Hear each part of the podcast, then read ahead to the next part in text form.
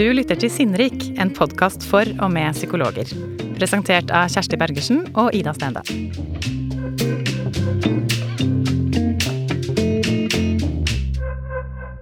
Du Kjersti, vi var på schizofrenidagene i høst.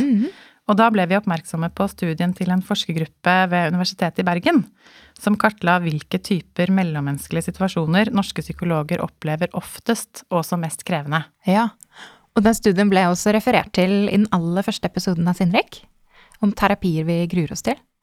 Ja, og en artikkel i Tidsskrift for Norsk Psykologforening i 2019 oppsummerte noe av funnene fra den studien. Ja, det var særlig seks, seks punkter de konkluderte med. Ja, som 512 norske psykologer mente var mest krevende, og som de også opplevde ofte. Mm. Det ble vi eh, interessert i. Ja, og Ja. da fikk vi lyst til å lage en miniserie med utgangspunkt i funnene fra denne artikkelen. Og invitere med oss gjester som vi tror kan bidra til å belyse dem, og kanskje gjøre dem bitte litt mindre krevende. Ja, eh, og vi har valgt å ta utgangspunkt i tre av de situasjonene eh, som ble gjennomgått i studien. Vi starter med den situasjonen som flest rapporterte som, som vanskelig, og det er når klienten fremstår som suicidal.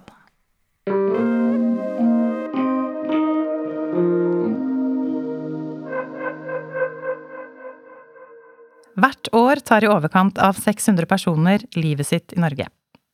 Om lag 250 av dem har eller har nylig hatt kontakt med psykisk helsevern.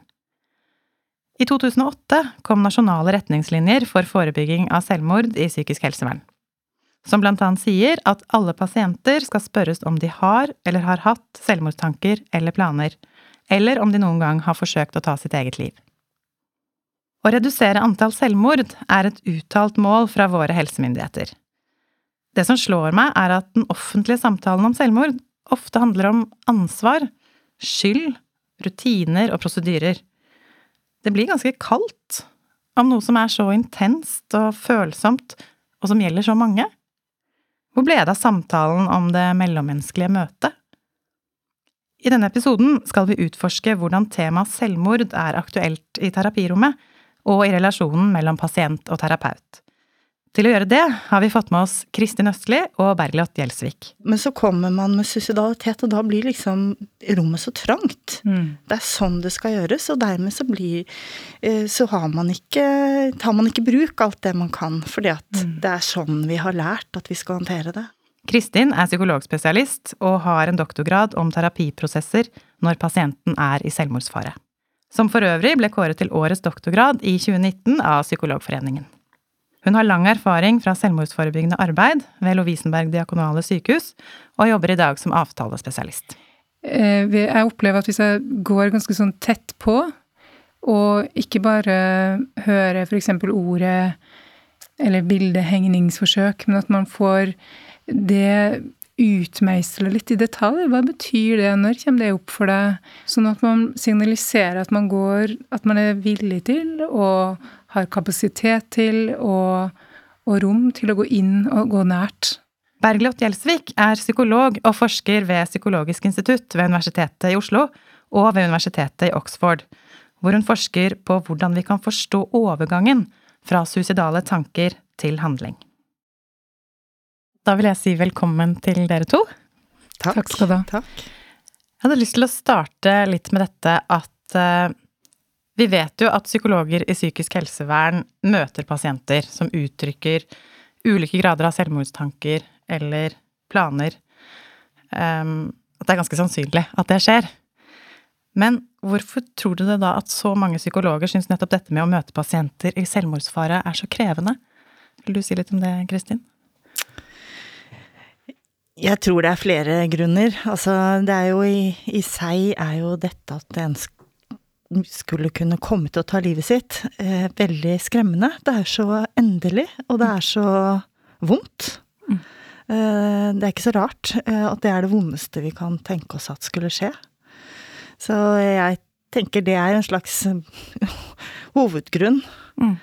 Eh, og så kommer det mye annet rundt og oppå det, som har med hvordan vi håndterer det, engstelse for å gjøre feil, eh, få skylden for noe. Ja. Mm. Ja, engstelsen for å gjøre feil, for skylden for noe. Hva, hva, hva tenker du at det gjør med oss, eh, Bergljot? Jeg tenker jo at man kommer i en veldig vanskelig skvis, fordi på den ene sida så kan vi føle et veldig stort ansvar, og så vet vi samtidig at vi kan ikke predikere hvem som av alle dem vi møter som forteller om selvmordstanker, om de kan komme til å agere på det. Så det blir en sånn eh, arbeidsoppgave som blir ganske vanskelig, og vi har et terapeutisk møte, og så har vi samtidig store administrative oppgaver i forhold til med retningslinjer som vi er lovpålagt å følge. Så det er en um, veldig krevende miks, i tillegg til at det selvfølgelig trigger eget mørke hos mange. Ikke sant? At vi sitter og hører på på tunge ting. Men jeg tror aller mest det er en sånn, et veldig sånn krasj mellom det å skulle både være håpsbærer, det å skulle være den gode hjelperen, den som hindrer at noe skjer, som vi per definisjon ikke kan hindre. Ja, for det er jo litt spesielt dette med rollen som psykologen får i akkurat dette. Si litt Ja. mer om Ja. Nei, jeg, jeg tenker kanskje at akkurat der så kommer den der rolleforståelsen som mange psykologer, og kanskje særlig også studenter, har med at man skal være den gode hjelperen og den som tar vekk lidelse. Det er jo, det er jo en ambisiøs um, oppgave i de fleste tilfeller, men her blir det Her kommer det veldig på strekk, um, og blir um, noe som kan føles veldig uoverkommelig. Og så er det selvfølgelig tenker også vi må se på hvordan trening vi har av det i utdanninga. Hvor mye erfaring vi har med det, og hvor mye ja, følelse av mestring man har med det. Men jeg tror det er stor, stor grad av splid mellom det vi føler at vi burde få til, og det vi faktisk kan få til i, i møte med dem som er i suicidal krise. Ja, og, og det, det tenker jeg at vi er veldig spennende. Det skal vi komme tilbake til etterpå, fordi det er jo noe der, det, der kjernen ligger her. Men jeg ble også veldig nysgjerrig på det du sa om studentene. For du eh, underviser jo psykologistudenter. Kan du si noe om både hva, hvor mye kommer man borti dette, denne tematikken under studiet, og hva sier studentene? Det har vært eh, tradisjon, altså Tradisjonelt har det vært ganske lite fokus på um, suicidalitet i profesjonsutdanninga. Nå har det kommet mye mer av det de siste ti årene. Um, nå snakker jeg ut ifra fra UiO, da. Um, men det, det er jo et paradoks, for det er jo, som du sa innledningsvis, noe av det veldig mange syns er aller vanskeligst. Så det blir jo litt som om leger skulle gå ut uten å lære seg noe om hjertestans, eller Ikke sant? Eh, Vi, vi er nødt til å vi er nødt til å møte det og, og få forståelsesramma for det. Og ikke minst få en, kanskje en forståelsesramme for å håndtere egne eh, reaksjoner, eller det mange kaller motoverføringer, i møte med det. Studentene sier veldig ofte, når du spør dem, eh, så forteller de veldig ofte at den mest framtredende følelsen de har, er at de er redd. At de er kjemperedd. Og når vi er redd, så blir vi ikke veldig fleksible eller åpne i møte med de er pasientene som kanskje aller mest trenger et empatisk lyttende menneske i andre enden. Mm. Så jeg syns det er veldig forståelig at, at, eh, at studentene har det sånn. Men jeg tror også det er veldig mange, både med kort og lang klinisk erfaring, som kan kjenne på det i hele karrieren, egentlig. Ja, og det er jo litt liksom, Dette er noe av det psykologer sier at de syns er mest krevende. Mm. Og, og det kan jo kanskje handle noe om en del av det dere sier nå, med dette med å være, å være redd og usikker i det møtet. Da tenker jeg på det arbeidet du har gjort, Kristin, i din doktorgrad. Hva, der intervjuet du jo flere terapeuter. Hva sa de om akkurat dette her? Altså, jeg intervjuet både terapeuter og pasienter. Eh, Og eh, ja, terapeutene var eh, Altså, jeg tenker angst var kanskje den, den mest fremtredende følelsen hvis det var, eh, var Ja. Og sinne. For det var mange terapeuter som var sinte for posisjonen de følte seg satt i. At det var en, en eh, umulig forventning, på en måte, til å skulle kunne eh, gjøre noe som er umulig å gjøre. Altså denne skvisen som Bergljot veldig tydelig beskrev. At det var det, det, det Han mobiliserte noe. Jeg gjorde jo intervjuene mellom 2011 og 2014. Det var ikke så lenge etter at disse nasjonale retningslinjene Nei. var kommet. Mm. Og implementeringen var på en måte på eh, sitt eh, mest eh, varme, for å si det på den måten. Eh, Med eksterne revisjoner og interne revisjoner og, og pekefingre. Mm. Så det var mange som var ganske både redde og sinte for posisjonen de følte seg satt i. Mm. Ja. Og da er det denne posisjonen med både å skulle ha, nesten bli en slags jurist, Ja, og samtidig være den psykologen som skal være der, og være hjelperen. være hjelper, lyttende, inntonet, eh, prøve å forstå hva er det du strever med. Eh, som jo egentlig krever en mye kapasitet. Eh, og hvis man da skal gjøre noe annet, så stjeler det av den kapasiteten. Mm. For vi har jo ikke uendelig med kapasitet og uendelig med tid. Så hvis vi blir pålagt å gjøre sånn og sånn, så tar det tid. Det er det ene. Og så kan man bli distrahert. Ikke sant? Sånn at man ikke kommer litt sånn ut av posisjon. Som er å være den, i den lytteposisjonen. Mm. Eh, som jeg, jeg tenker er helt vesentlig, da. For å kunne hjelpe pasienten. Mm. Empati, som du sier, Bergljot. Og for å ha Mm. Og det er jo egentlig å, å bruke hele seg for å prøve Ja. å lytte. Ja. Er, hvor er du? Ja. Hva er det du kommer med nå? Hva er strevet ditt? Hvorfor er det så smertefullt? Mm. Mm. Det Ofte har jo ikke pasientene ord for dette. Og da må vi jo lytte veldig godt for å Mm. hjelpe til for å finne nettopp de ordene. Finne ut hva det er. Jeg syns jo det er veldig spennende akkurat det du sier altså, Det er noe veldig paradoksalt, er det ikke det? I, Ja. I det feltet at der det nettopp trengs aller mest at vi er lyttende, Ja. Så har vi andre arbeidsoppgaver og perspektiver som gjør at vi på en måte nesten kaster ut det vi kan best med badevannet. Ja. At, vi, at vi blir veldig jeg, jeg tenker jo ofte at vi slutter å tenke som psykologer og blir, tenker mer som jurister, på en måte. For å, jeg syns jo det, det du har skrevet om å ha ryggen fri, er veldig, veldig fanger deg veldig godt inn. Mm. Jeg syns bare det er så det, det er veldig paradoksalt, vi kan jo veldig mye om Mm.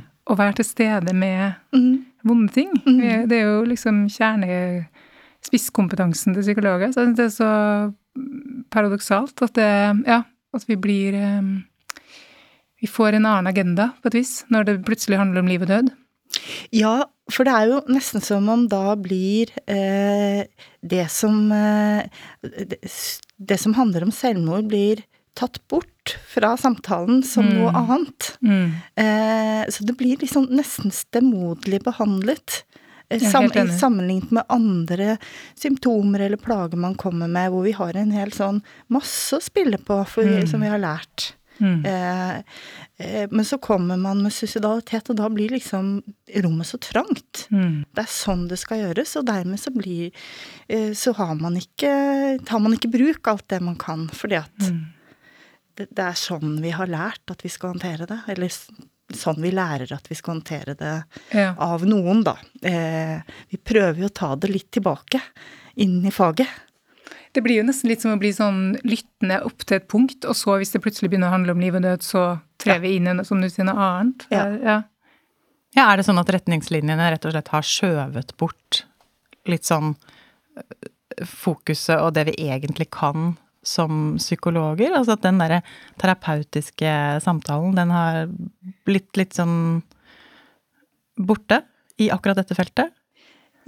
Ja, jeg lurer på det. Altså, retningslinjene er én ting, eh, men det er jo avhengig av hvordan de blir eh, brukt. Um, for det står jo en del om relasjon og sånn i, i selve retningslinjen. Men så, så, men så er det som man har, har lagt vekt på det som er, er dette juridiske, som du sier, Bergljot. Mm. Eh, som er, er det hva man skal gjøre. Det er det som er blitt tillagt vekt i implementeringen og i kontrollen av om man følger retningslinjene. Da er det jo det som kan veies og måles, som er det Er de spørsmålene det er stilt, ja eller nei? Eh, ja, da er det greit. Og hvorfor skjer det?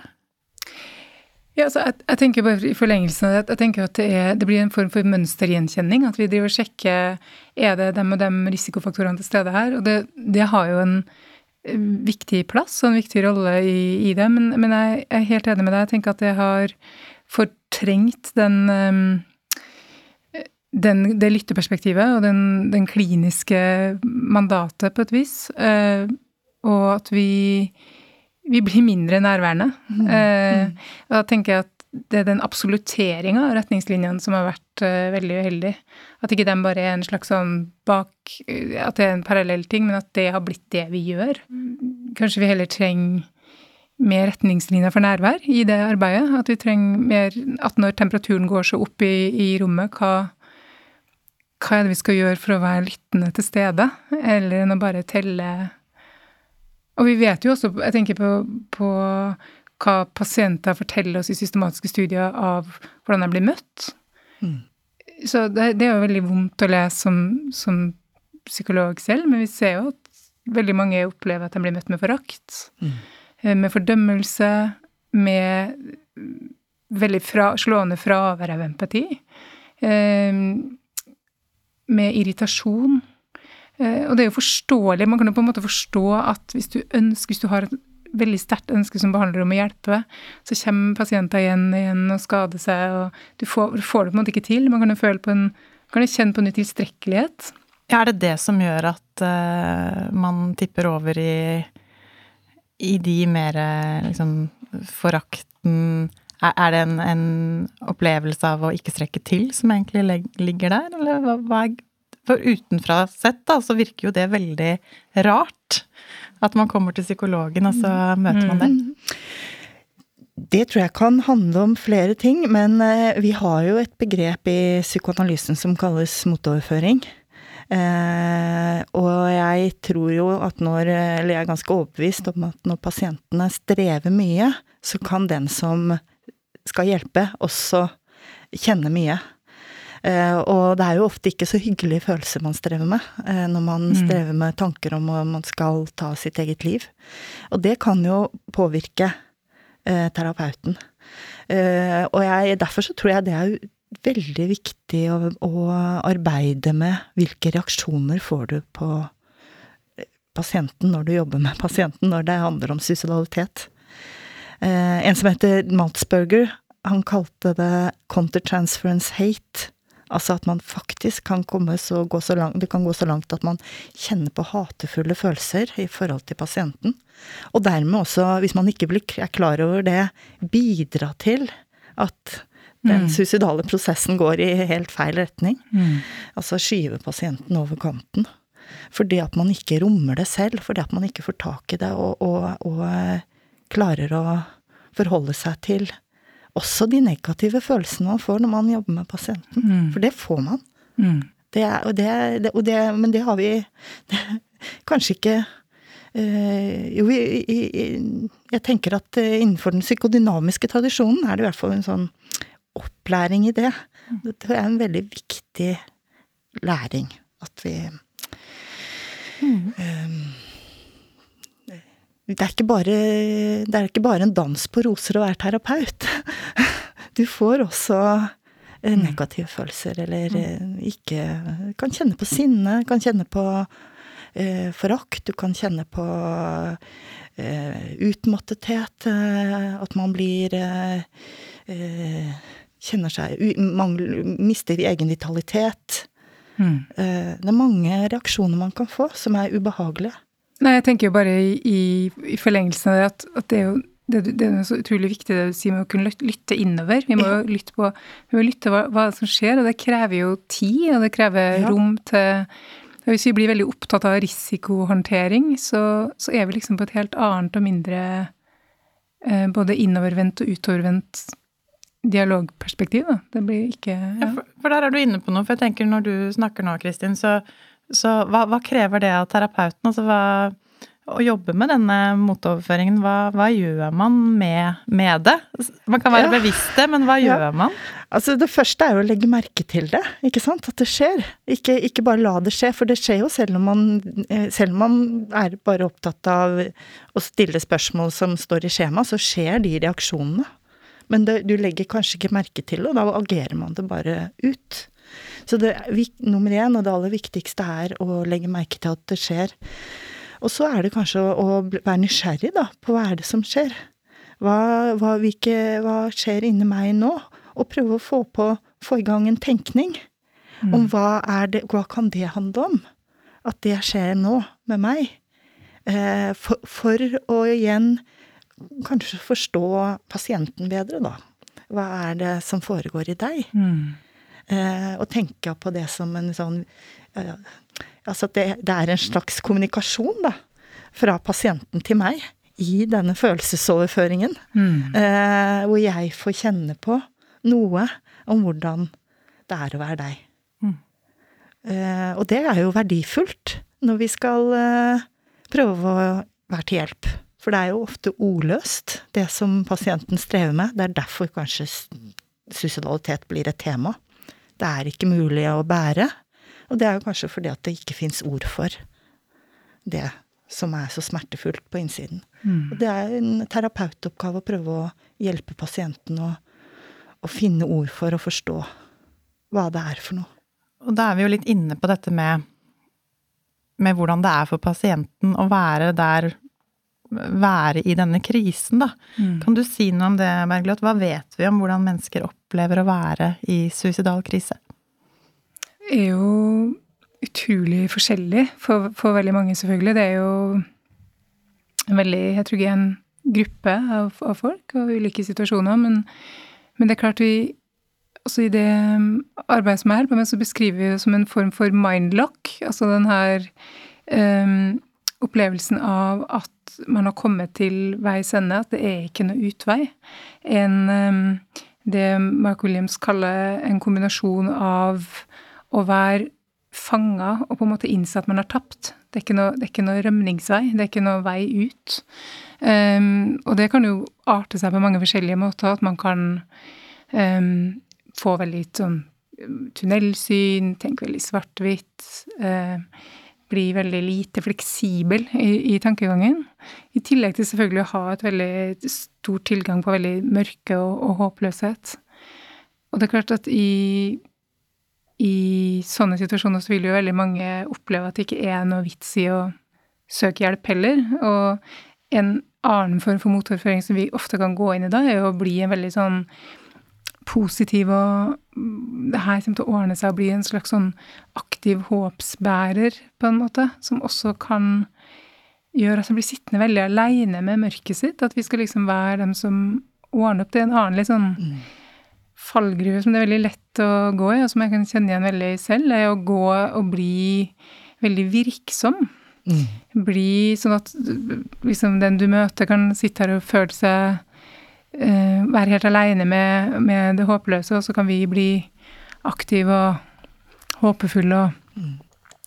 uh, men, men denne opplevelsen av å være virkelig stuck på en dyp, uh, dyp måte, er, er et ganske sånn kjennetegn, selv om det selvfølgelig er store variasjoner. Ja jeg, jeg, Innenfor den psykodynamiske tradisjonen så kaller man det jo containment. ikke sant? Det er å, e, e, å evne å romme. Og det er jo kan være vanskelig mm. når noe er uh, smertefullt, og veldig smertefullt. At man kan vegre seg for å gå inn der. Mm. Fordi at man har en uh, uh, Man er redd for hva som skal skje hvis man ble med dit. Mm. så det er en fristende og heller eh, peke på det håpfulle og, og mulighetene. Ja. Eh, og, og, det er jo ikke det at vi ikke skal gjøre det, men det er ikke Det er noe med timing. Og det må vi gjøre på et tidspunkt hvor det er riktig for pasienten at vi gjør det. Eh, og det av og til så, så skal vi heller inn i det som er smertefullt. Og jeg tror det er det det å ikke røre ved de smertepunktene, da, hvis vi kan kalle det det, altså få en berøringsangst for det, mm. eh, det er kanskje noe av det, eh, det, det farligste vi gjør i møte med suicidale pasienter, for da lar vi dem være alene med det. Og jeg tenker sånn, når du hadde eh, disse samtalene altså i ditt eh, arbeid, mm, mhm, hvor du også intervjuet pasienter. mhm. Hva sa de om dette, akkurat dette vi snakker om nå? Jo, det var jo kanskje det som eh, var overraskende eh, eh, i de, de forløpene hvor det ikke gikk så bra, da. 19 forløp jeg fulgte, og noen av dem gikk det ikke så bra med. Det var en sånn mismatch mellom pasient og terapeut. Og da kunne det virke som om det var terapeuter som da vegret seg for å gå inn i det som var vondt for pasienten. Og de skjønte ikke egentlig at det var det som skjedde, men pasienten kunne forklare det. De merket det, at det var noe eh, At de var på feil spor. Eh, jeg brukte begrepet privat teori. Eh, at både pasient og terapeut har sin private teori om hva er det dette denne suicidaliteten handler om. Eh, og hvis de, det var på en måte for stor avstand mellom pasientens og terapeutens private teori, så, så var, de, var de på en måte ikke på samme spor. Og da ble jo pasienten værende alene med smerten sin. Mm. Og, det, eh, og, og, det, og, det, og de kviet seg for å si fra til terapeuten om det. At de ikke kjente seg lyttet til, og ikke kjente at de var på samme eh, prosjekt, for å si det på den måten. Så hva gjorde de isteden da?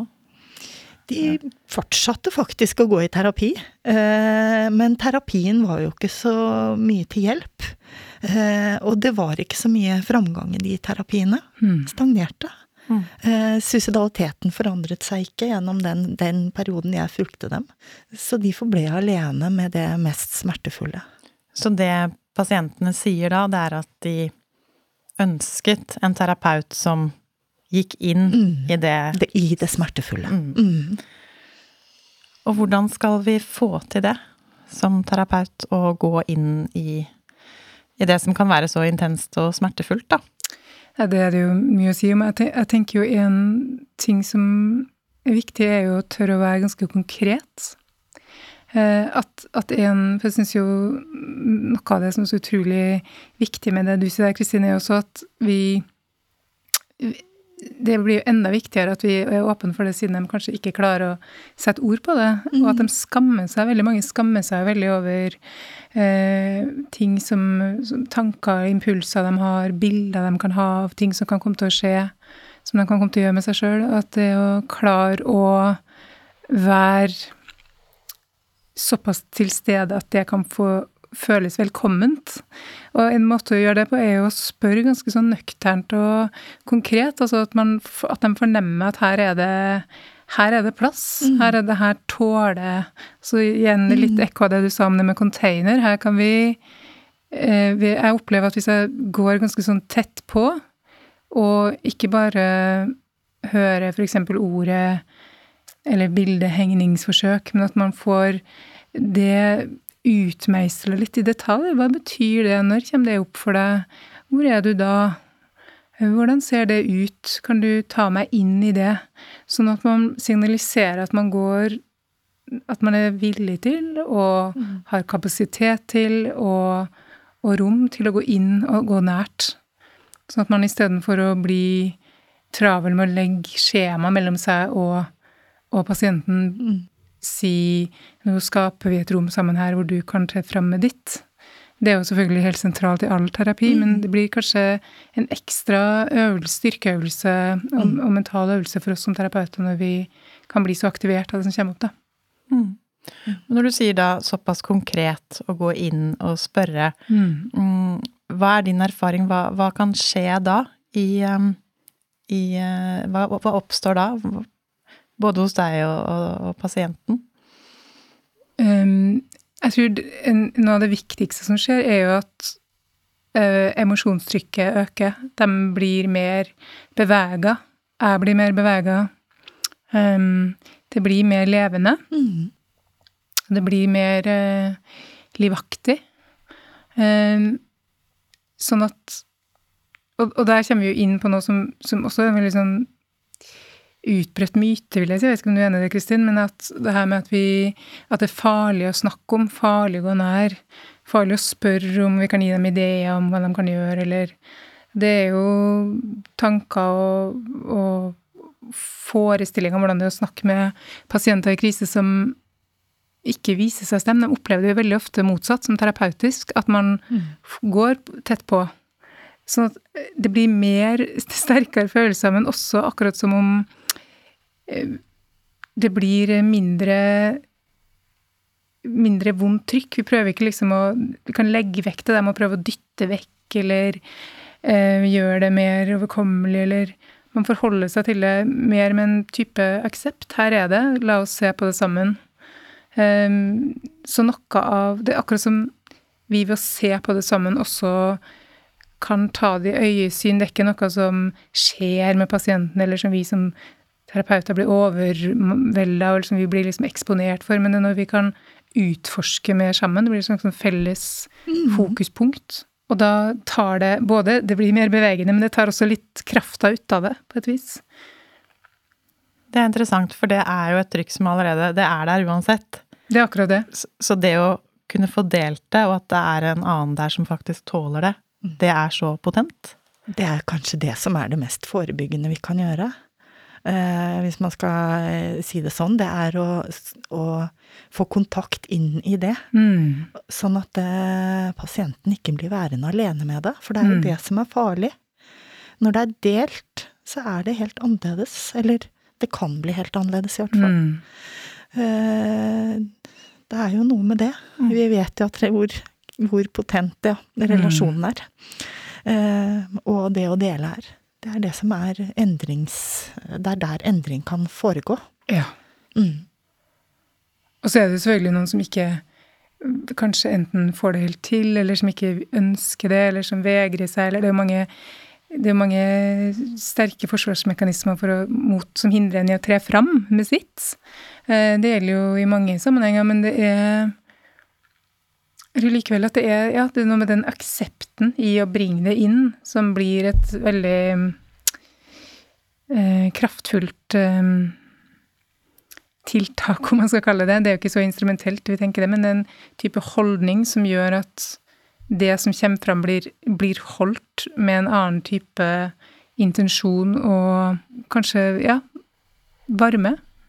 Ja, for nå er vi jo litt inne på det å være i krisen sammen med pasienten. Altså gå inn i det smertefulle. Og er ikke det egentlig det psykologer skal gjøre?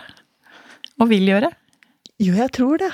Og, det. og, når vi snakker om det her, så tenker jeg kanskje det er det som gjør psykologer så sinte og frustrerte. Ja. ja. altså at det er jo egentlig dette vi kan. Det er dette vi har lært. Eh, og det er dette som kjennes meningsfullt ut. Og vi vet at det, er, dette som kan skape endring. Og så er det noe som står i veien for det. Uh, og, og, og, jeg tror det har skapt et uh, har skapt mange følelser rundt omkring. I poliklinikken og andre steder. Mm.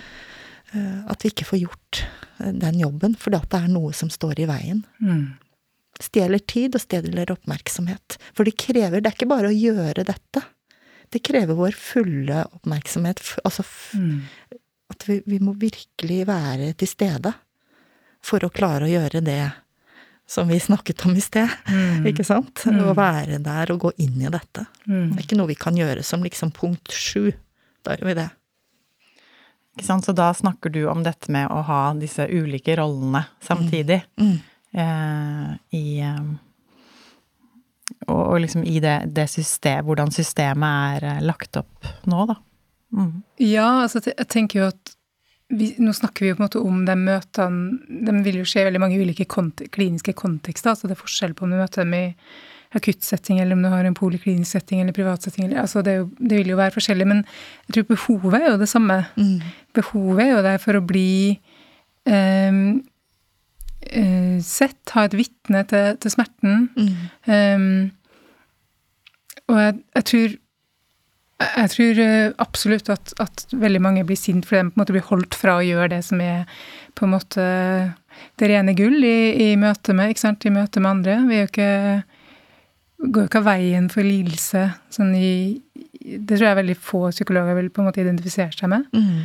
Men så tror jeg jo også at ut, over tid, og at man blir på en måte litt sånn innforliva med systemet, kanskje, at mange kanskje ikke nødvendigvis reflekterer så mye over det, men syns at det er ganske trygt med de retningslinjene også. Mm. At, og det kan jo variere både fra person til person og fra situasjon til situasjon, selvfølgelig, men at det kan være noe um, betryggende i å liksom kunne gripe til en uh, nærmest en slags sånn mal, ikke sant, når, når det er eksistensielle drama som utspiller seg. Det er noe ganske konkret, på en måte? Ja, det er veldig konkret. Mm. Mm. Og det er noe man kan gjøre, på et vis. Som du blir berget ut av noe som er veldig ubehagelig å, ja. å være i. det er litt du... sånn exit, ja. Mm, mm, mm. mm. Det, det, tror jeg de fleste kan kjenne seg igjen i. Det kan jeg definitivt kjenne meg igjen i. Um, men det Jeg tror vi har nok kjennskap til både hva den riktignok veldig sammensatte grupper, men, men trenger å ønske seg, og hva vi kanskje egentlig ønsker å komme fram med selv også, som, som terapeuter i det møtet. Det blir ofte ikke-møter. Mm. Jeg hadde lyst til å ta et lite steg tilbake til noe vi var innom litt tidligere i samtalen. Og dette med det å, å liksom skulle ha rollen som å skulle predikere eh, noe. Altså gjøre en sånn type vurdering. Hva vet vi om det? Altså vi vet jo at det er veldig vanlig å ha selvmordstanker. Um, men det er ganske få som går videre til planer og faktisk gjennomfører et eh, selvmordsforsøk. Mm. Vet vi noe om den overgangen der? Eh, det er jo på en måte gåten vi står overfor som terapeuter. Hvem av de her sånn, I hvert fall én gåte, en sånn prediksjonsgåte. Hvem er det som kommer til å, å gå hen og agere på det her? Og det tror jeg er en enorm byrde for veldig mange terapeuter. At den her forventningen om at det skal vi klare å predikere. Mm. Og hvis det er liksom én ting vi vet i, i suicidologien, altså forskninga på systematiske kjennetegn ved selvmord og, og selvmordsatferd, så er det at det får vi ikke til. Det er en ikke-evidensbasert uh, myte, rett og slett. Uh, det er bare Og det, det, er det mange grunner til. Det er veldig lavprevalent, og vi har forsøkt å predikere det med veldig sånne grove risikofaktorer som f.eks. depresjon. Men vi møter jo deprimerte folk hele tida, og det er veldig mange som Veldig få av dem som som utvikler suicidale kriser på en måte som gjør at de blir i fare for seg selv. Um, så eh, når vi prøver å se Det er, det er ikke et nytt spørsmål, absolutt ikke, men, men, det har kommet mye mer på banen i, i forskninga i de siste ja, 10-15 årene. Uh, siste 10-15 årene. Og det det er jo som alle ting med de fenomenene her, at det er veldig sammensatt. Og det er mange, mange ting. Det ikke, hvis det hadde vært én ting som vi kunne identifisere, så hadde det vært lett, på en måte. Eh, men eh, vi vet jo f.eks. at det med å, å, modifisere tilgang til midler, altså det å ha det å ha en kombinasjon av personlighetstrekk som å være impulsiv, f.eks. Det å ha stor tilgang på håpløshet og det å ha tilgang på suicidale midler, ikke sant, det øker sjansen veldig. Og så kan man jo prøve å ta bort en del muligheter til å skade seg, men det vet vi at heller ikke nødvendigvis hjelper, fordi folk mm. klarer jo å ta livet av seg på lukka avdeling og ikke sant, veldig triste saker om det. Så det, det er ikke lett å si, men det er, man begynner å skjønne mye mer at de prosessene fra tanke til handling er annerledes og er prega av andre risikofaktorer enn det som gjør at man får suicidaltanker i utgangspunktet.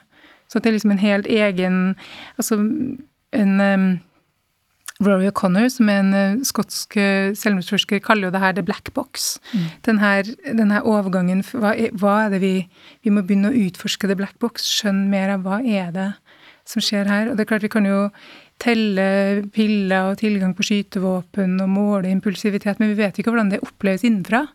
Hva er det som gjør at, at noen At det blir så potent at det, at det skjer?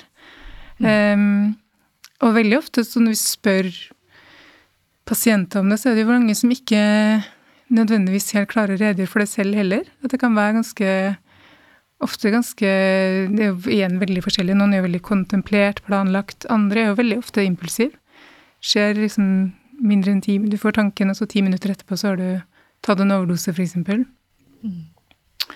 Um, men det her, er, det her, er, ting vi begynner å øke, se mye mer på. Og det er klart at det vi holder på med, det arbeidet som jeg holder på med, er jo at vi ser mer på Kan det være sånn at, at det ikke bare er tanker eller bilder som er farlige i seg selv? Ofte i risikokartlegging så spør vi har du tanker, har du planer osv. Men det er ikke det som det, det gir oss ikke tilstrekkelig nok kunnskap om risiko. For det er mange som har både tanker og planer som ikke agerer.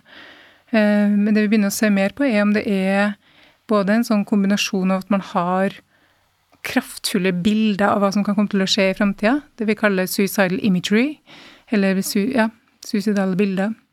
Hva kan det dreie seg om mer konkret? Ja, Et eksempel på det. Altså, for noen er det jo som et slags stillbilde. At de på en måte ser eh, altså Vi snakker jo ofte om posttraumatiske flashbacks, men her snakker vi om pretraumatiske flash forwards. Altså at man ser for seg at noe som enda ikke har skjedd, kan komme til å skje, og at man blir veldig satt ut av det. Det kan være stillbilde av at man f.eks. henger i tre og er død. Ser seg selv henge død i et tre. Eller en slags videosnutt av et hendelsesforløp hvor selvskading og mulig død uh, utspiller seg. Så, så, noe av det vi har gått inn og sett på, er jo kan denne tilstedeværelsen av sånne bilder kombinert med forsøk på å dytte vekk, ikke liksom forholde seg til det, bidra til å eskalere en suicidal krise. Mm. Være en form for katalysator, ikke bare bildet eller tanken, men, men manglende aksept for at det er her, prøv forsøk på å undertrykke, distrahere vekk fra roe ned med piller eller alkohol osv.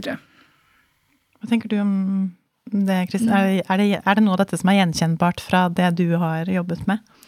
Ja, det vil jeg si.